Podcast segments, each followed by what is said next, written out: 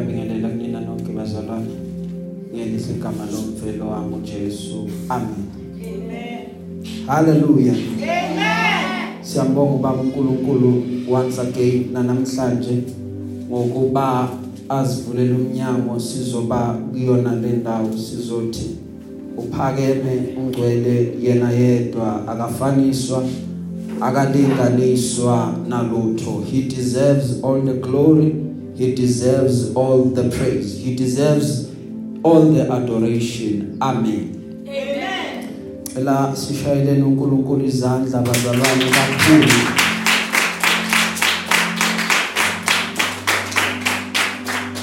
Eh, kuvume yena ukuba siyithole sikuyona le ndawo. Nokuhamba kwethu akona ukwazi noma ukuhlakanipha kwethu. Amen. but umusa esiwuthola kuyena. Hallelujah. We Amen. thank the Lord bazalwane because akavumanga ngathi unqabile ngathi. Amen. Zibe zikhona izimo zafika izinto but yena wanqaba ngathi. Usibona nje sigciniwe esandleni somusa. Athi obhala kahle khona esandleni somusa ngiyagcinwa noma ungathini. Hallelujah. Amen. glory be to god. Amen. once again sibonge siphinde sibingelele kubazalwana ababukela ama video ethu ku Facebook live ngelihle igama lenkosi. Really every sunday asithathi kancane bazalwane ukuthi khona abazalwane who take time to listen to watch us. Siyabonga uNkulunkulu kakhulu nangabo. Kwanga uNkulunkulu angababusisa kakhulu. Amen. Amen. Sibingelele trabazalwana ababukela ku YouTube ngelihle igama lenkosi. Siyababonga siyabonga uNkulunkulu even nangabo even abazalwane who continue to subscribe echannelini yethu babusiseke. Siyambonga uNkulunkulu ngabo bazalwane. Hallelujah. Amen. kubazalwane abalalela ama audio whether be it ama podcast yebazalwane or whether be it lama audio siwathumelayo siyambonga uNkulunkulu nangabo bazalwane. Amen. Mangisho nje ukuthi nakuma podcast uyakhona bazalwane umulalela noma ku Spotify or ku Google podcast mawuseshi mawusechile usechele u SN Motor wayithola benza nakhona ama channel like then uyakhona to subscribe every week uh, there's an episode that we share every Sunday. Without fail bazalwane every Sunday intshumayelo iba khona. Amen. Zinandi ke ngoba uyakhona ukuthi ulalele le mawuqeda le ulalele le mawuqeda le ulalele le ngokusizwa uNkulunkulu haleluya bazalwane. Amen. intshumayelo zethu zikhona ziyatholakala yebazalwane eh uma nje ngingasho ngathi you are spoiled for choice because ziyadlula ngale ko 100 amen. Amen. glory be to god. A- akubona ukuthi siyakwazi ukukhuluma ebazalwane but it is the work of the lord this is the lord's doing. Akukona ukwenza kwethu. Chabo angifuni nje ucabanga ukuthi awu chabo eh nali iciko lokukhuluma mina abazalwane ngikwazi ukukhuluma. Amen. Ngikhuluma nje ngizoma lapha kwenu. Namhlanje bazalwane bengithuthumela enye into ukuthi naku futhi kwangiphinda sengiyoma phambi kwabantwana bakaNkuluNkulu ngoba i believe ukuthi when you come before the people uzoma endaweni ekuthiwa ipulpit kahle kahle. Okuyaye kwenzeke thi ngiqale ngale gama igama lithi pulpit kusho ukuthi you are pulling the people from the pit. Ubakhipha ogibeni ubakhipha entweni ebikade izobabulala ubabeka kuphi endaweni engcono. So we o assigned ukuthi you take people out of the pit you are pulling them out of the pit. Amen. So we have to do justice and make sure ukuthi we pull people out of the pit. Amen. Whether iphithi yesono whether iphithi yokuhlupheka whether iphithi yeyinkingi whether iphithi yanoma ngayini we have to pull people out of the pit. So akuyona into elula yebazalwane ukwenza lo msebenzi. That is why uzothuthumela because awujwayeli ukuza kuNkulunkulu ukuthi hayi sengikhona ngiyazi intshumayelo ikhona ngizofika ngishumele ngithi ngithi ingadle ngamandla a eh ngoba akushumayeli wena. Sometimes i-message even if uyilungisile kunezinto ezingamosha i-message that which you are carrying. That is why you just have to rely on umoya oyingcwele ukuthi abe i-guide yakho. Sometimes uthi lokho ukucabanga ukubhekile ukuhlelile uthi ikona lokhu uNkulunkulu akushintshe so you need ukuthi ube adaptive ushintshe khona lapho. Then bacabanga ukuthi message yale kanti message uNkulunkulu useyiguqulile wayimikisa le. And kubiza kakhulu just to be sensitive to the Holy Spirit. Ukuthi uthini yena? Uma enomyalezo uzokhuluma you don't have to say anything. Makathe ungakhulumi you don't have to come eh, and speak to abantwana bakaNkulunkulu. Amen. Amen. namhlanje sizothi einyaweni zenkosi at the feet of the Lord. At the feet of Jesus. Amen. Amen. Luke chapter 10 verses 38 to verse 42 Luke chapter 10 verses 38 to verse 42 Glory be to God. Bazalwane ngicela ukuthi make Dlamini asifundele yona ngesiswati amen Amen.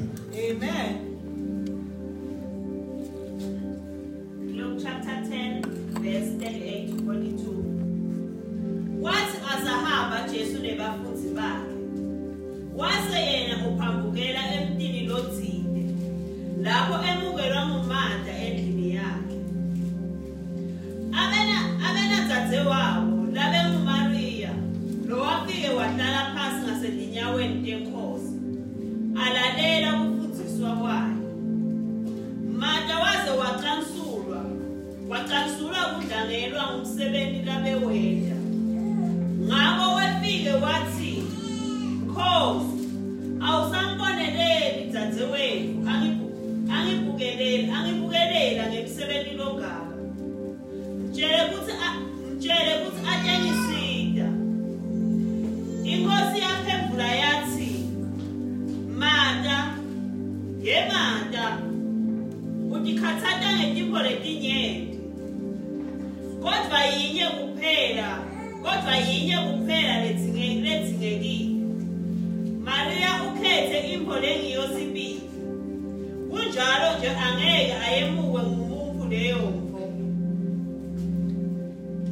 Hallelujah. Glory be to God. Siyabonga bazalwane kumake Dlamini. Amen.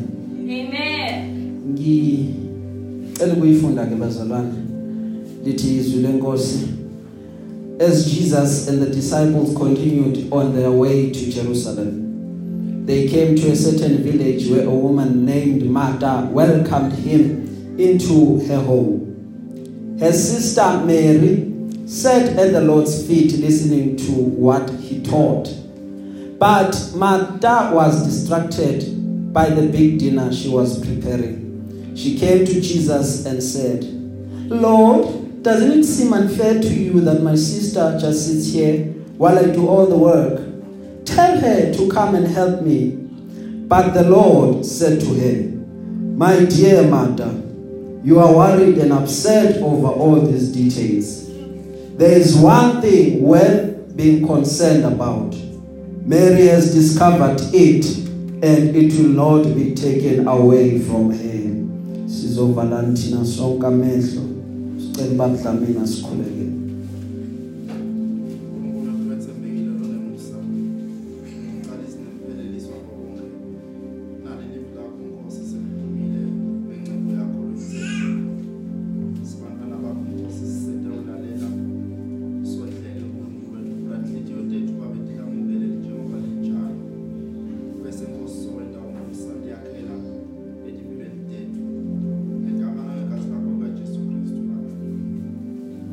Hallelujah. amen Siyabonga bazalwane once again emuhlu Jesu. Amen. amen Namhlanje sizothi einyaweni zenkosi. What I want you to have engqondweni yakho sisathola ukuhlaziya kwezwi lenkosi ukuba that is the position la umfundi fanele ukuba ahlale khona. That is the position la umfundi kumele ukuba atholakale khona. Angatholakali kwenye indawo yebazalwane but atholakale aseyinyaweni zenkosi. Now lithi iBhayibheli uma silifunda uJesu uyeza uyaphambuka uphambukela eh, endlini kuleyo ndlu kukhona it's a certain village la afika aphambukele khona. Uyamthola uMata uyamthola even noMaria kusekhaya labo la bahlala khona. But lithi ke bazalwane uMata into awayenza she was concerned about ukuthi abaseve. She was concerned about ihospitality ukuthi laba bantu banakekeleke ngendlela efanelekile. That does not mean ukuthi udadewabo uMaria akekho concerned about ukuthi laba bantu banakekeleke but she discovered isecret ukuthi ukungena nje kwakaJesu ekhaya kunemfihlo ekhona efanele ukuba umuntu ayinake maqeda bese uyayenza lo muntu. Yebazalwane because sizokhuluma nje about uJesu sizothi uyashunyayelwa zonke insuku alukho usuku la uJesu kungashunyayelwa nga alukho usuku la uJesu kungakhulunywa but abanye abantu abayingeni indaba kaJesu babhizi nezinto zabo ba attenda their own cases. Omunye on a Sunday azathi this is the only day I have yokuba ngikhiphi washing ngiwashele indaba yenkonzo yokuhlanganyela ngingeni indaba kaJesu angiyingeni. Ngoba ngakhutshwa ebandle bangikhuba maqeda ngahamba ngaflathela angiphindanga ngabheke emuva. Ngoba abantu bahleli kuloko why? Because abantu esiphila nabo yebazalwane banaka efanele ukuba bangakunaki abanye bese baluza the most significant thing. And let me tell you something akona kuphela laba bangeza banaka efanele ukuthi bangakunaki inkinga ukuthi nabakhona phakathi bakhona abanaka lokho efanele ukuba bangakunaki baze bamista uJesu ehleli etafuleni. uJesu ebafuna uJesu ebadinga bamiste. While baloku bathi we are in his service. Now it's a very problematic problem yebazalwane ukuthi sibe busy ngeinto zakhe yet asikho busy naye. Sazi konke around yena but yena smazi. Hallelujah. iBhayibheli uma ulifunda likhuluma about izinto ezintathu lezi ezilahlekile kukhona le eyayingithinte yebazalwane uyabona imbuzi ngiyayibona imbuzi le yalahleka bazalwane eBhayibhelini? Imbuzi le yalahleka niyayibona bazalwane imbuzi le yalahleka niyayibona Owathi ubona phela uthi ngiphaphe maye wakushuthi ayikho le. Eh imvu le yalahleka nayibona bazalwane. Imvu le yalahleka eBhayibhelini. Nayibona ngithi bazalwane. Wakushuthi hayi ngiphapheme kanti la. Kwalahleka imva ngithi and then kwazolahleka indodana ngithi. Angithi bazalwane. Kwalahleka indodana kukhona lento esithathu yalahleka lithi iBhayibheli a coin was missing now however uma kulahleka imvu into eyenzeka yaphuma emhlambini izimvu bekade ziwu100 kwaphuma 1 kwasala 99 bese lithi iBhayibheli umniniyo washiya le 99 wahamba wayofuna leyodwa uthi abuye nayo azoyithola. Nendodana did the similar thing yaphuma ekhaya yathi baba nginikeze konke ngokwami yaqede yathatha ngokwayo yaphuma iphume ekhaya however lithi bible there is a coin eyalahleka. This coin ukulahleka kwayo ilahleka nje iphakathi endli ayilahleki ngaphandle. So angeke uzuhambe uyoyifuna ngaphandle but kuyifuna kwakho fanele uyifune la phakathi ngoba ukulahleka kwayo ilahleke la phakathi. So it does happen ukuthi nala kamsindi khona abalahlekile balahleke la phakathi abalahlekanga ngaphandle. Hallelujah. Amen. Kuyezwakala yibazalwane Amen. they they are missing while in his house glory be to god Amen. that's why uma uJesu ekhuluma yazi uJesu uthini uthi abanye ngalolo suku. What you need to understand and know ukuthi khona bayofika bathi inkosi inkosi singenise embusweni wakho. Maqeda lithi iBhayibheli they will come with an account ukuthi inkosi senzeni. Bayofika bathi inkosi sikhipha amadimoni egameni lakho. Inkosi siprofethile ngelakhi igama inkosi savusa abafile ngelakhi igama but uNkulunkulu uJesu yobe athi cha mina azange ngaze ngana. Yes ngiyavuma benikwenza lokho. But anabo udlelwano nami. So ayikho into eningaloqhubeka nikhuluma why? Because Jesus seeks a relationship. And that relationship mele uqaphele ukuthi ingabe iyamjabulisa yena na.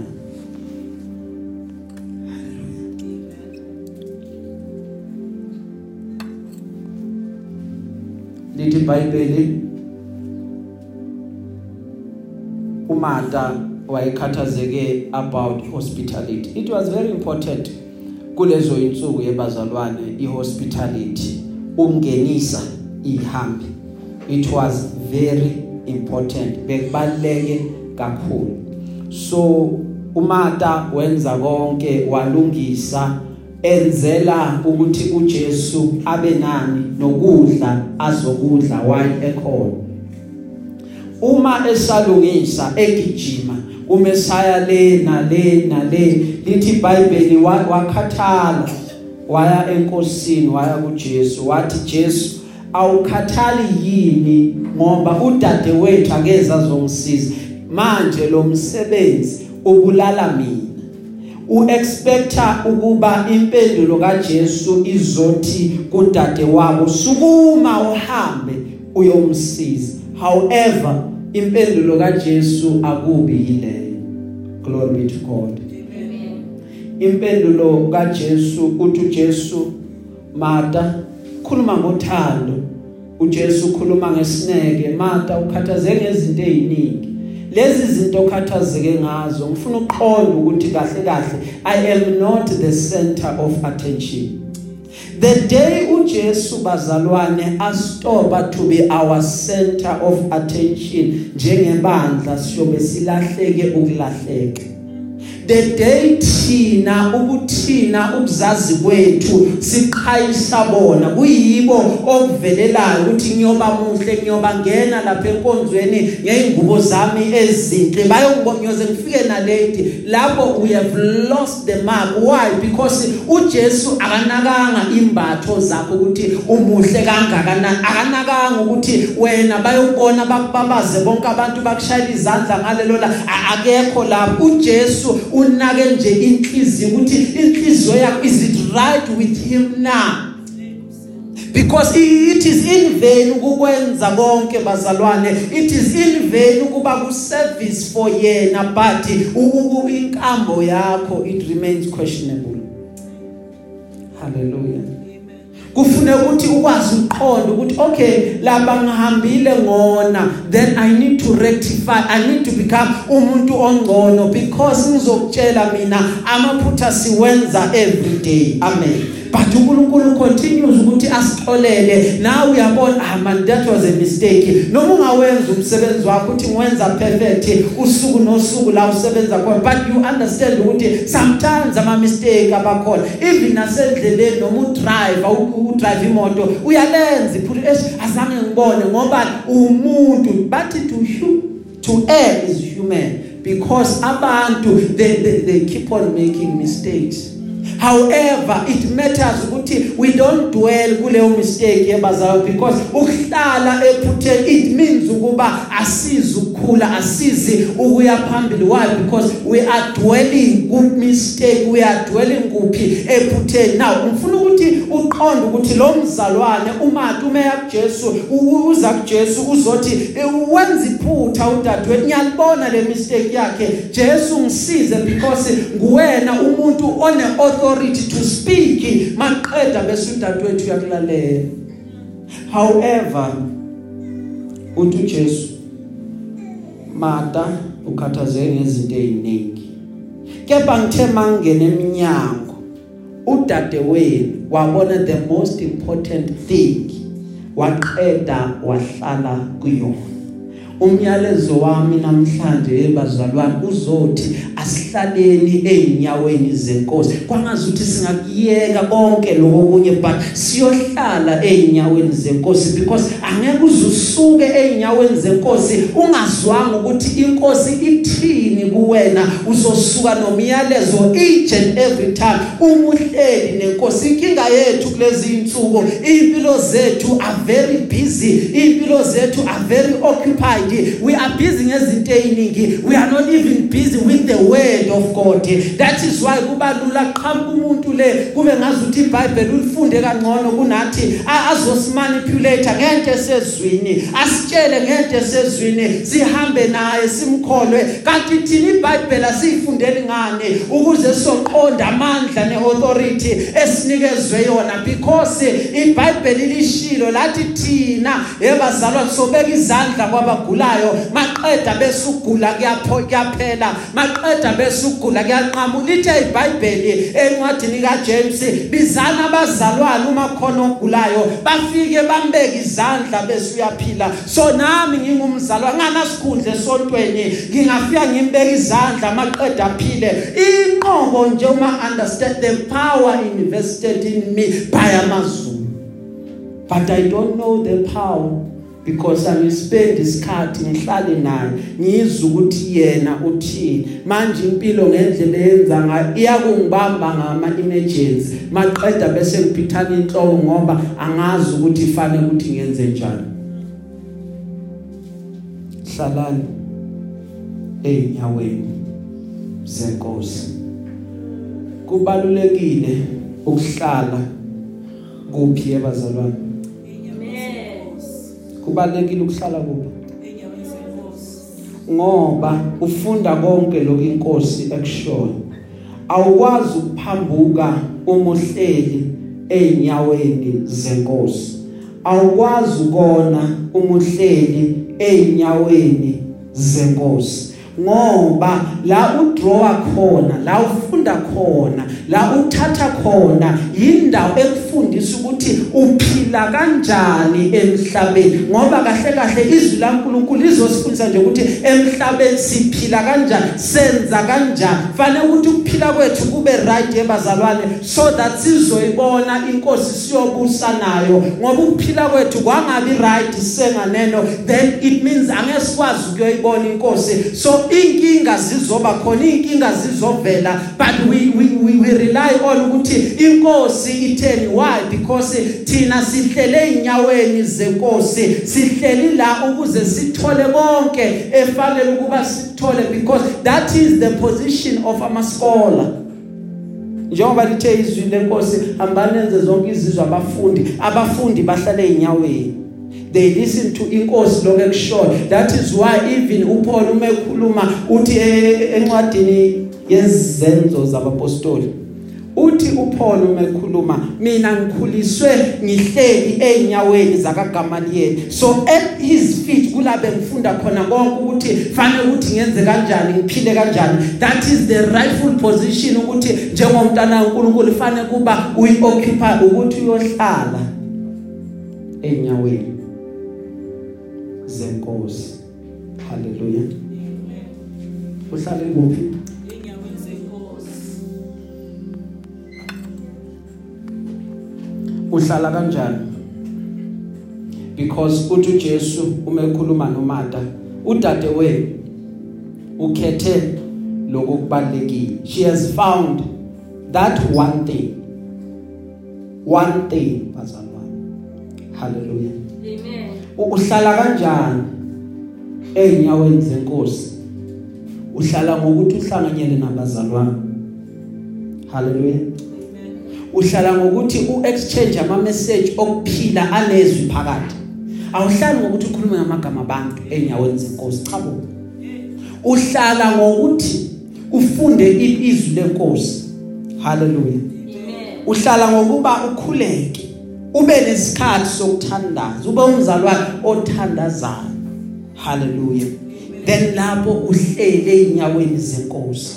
Uyambuza ucele kuyena indlela. Nkosi ngabe ngilithathe yini loluhambo? Inkosi izosho ithi cha ungalithathi bese uthi angikwazi ukuba ngilithathe lolu hambo ngoba inkosi ayivumanga.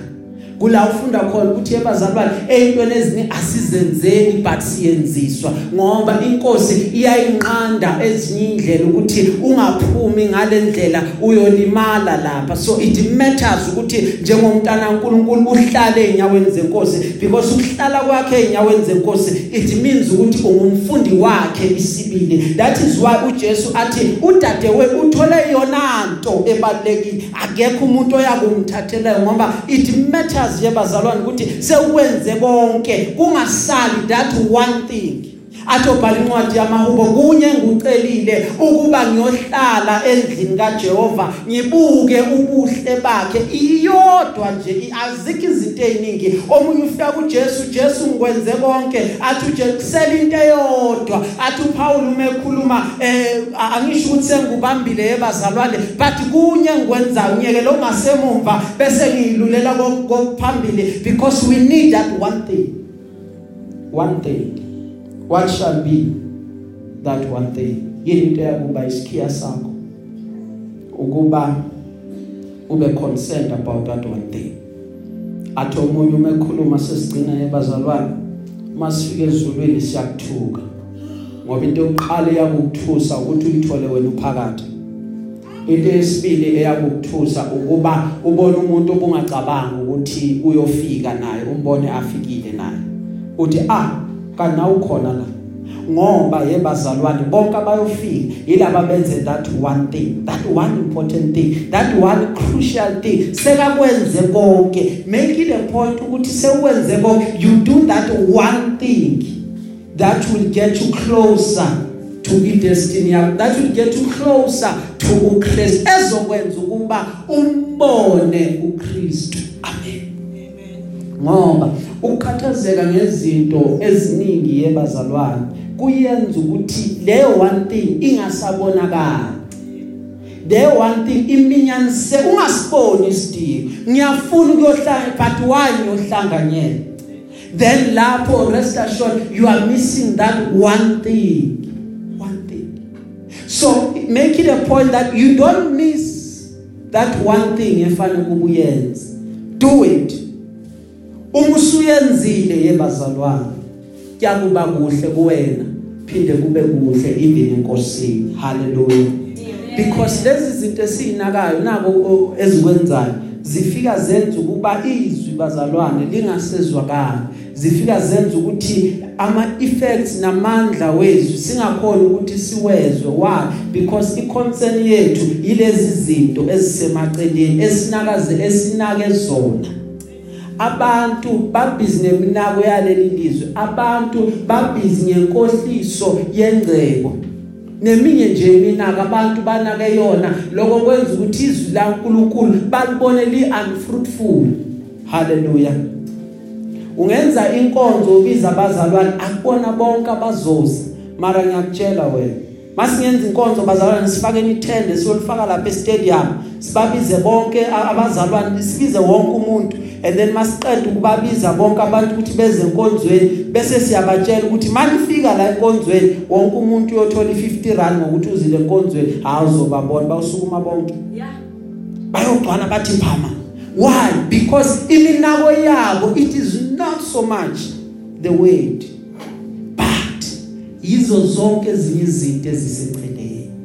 Egcineni kwenza ukuthi izwi noma liphuma umuntu angaboni the effects umuntu angaboni amandla. But the most important thing you can have ukuthi uhlale ezwini ngoba ilona elokugcina ezimeni ezinzima ezimene engachazeki kube ilona zwi laNkulunkulu elikwazi ukuthi likonthele ligcine likutshela ukuthi nalesi simo sizodlula.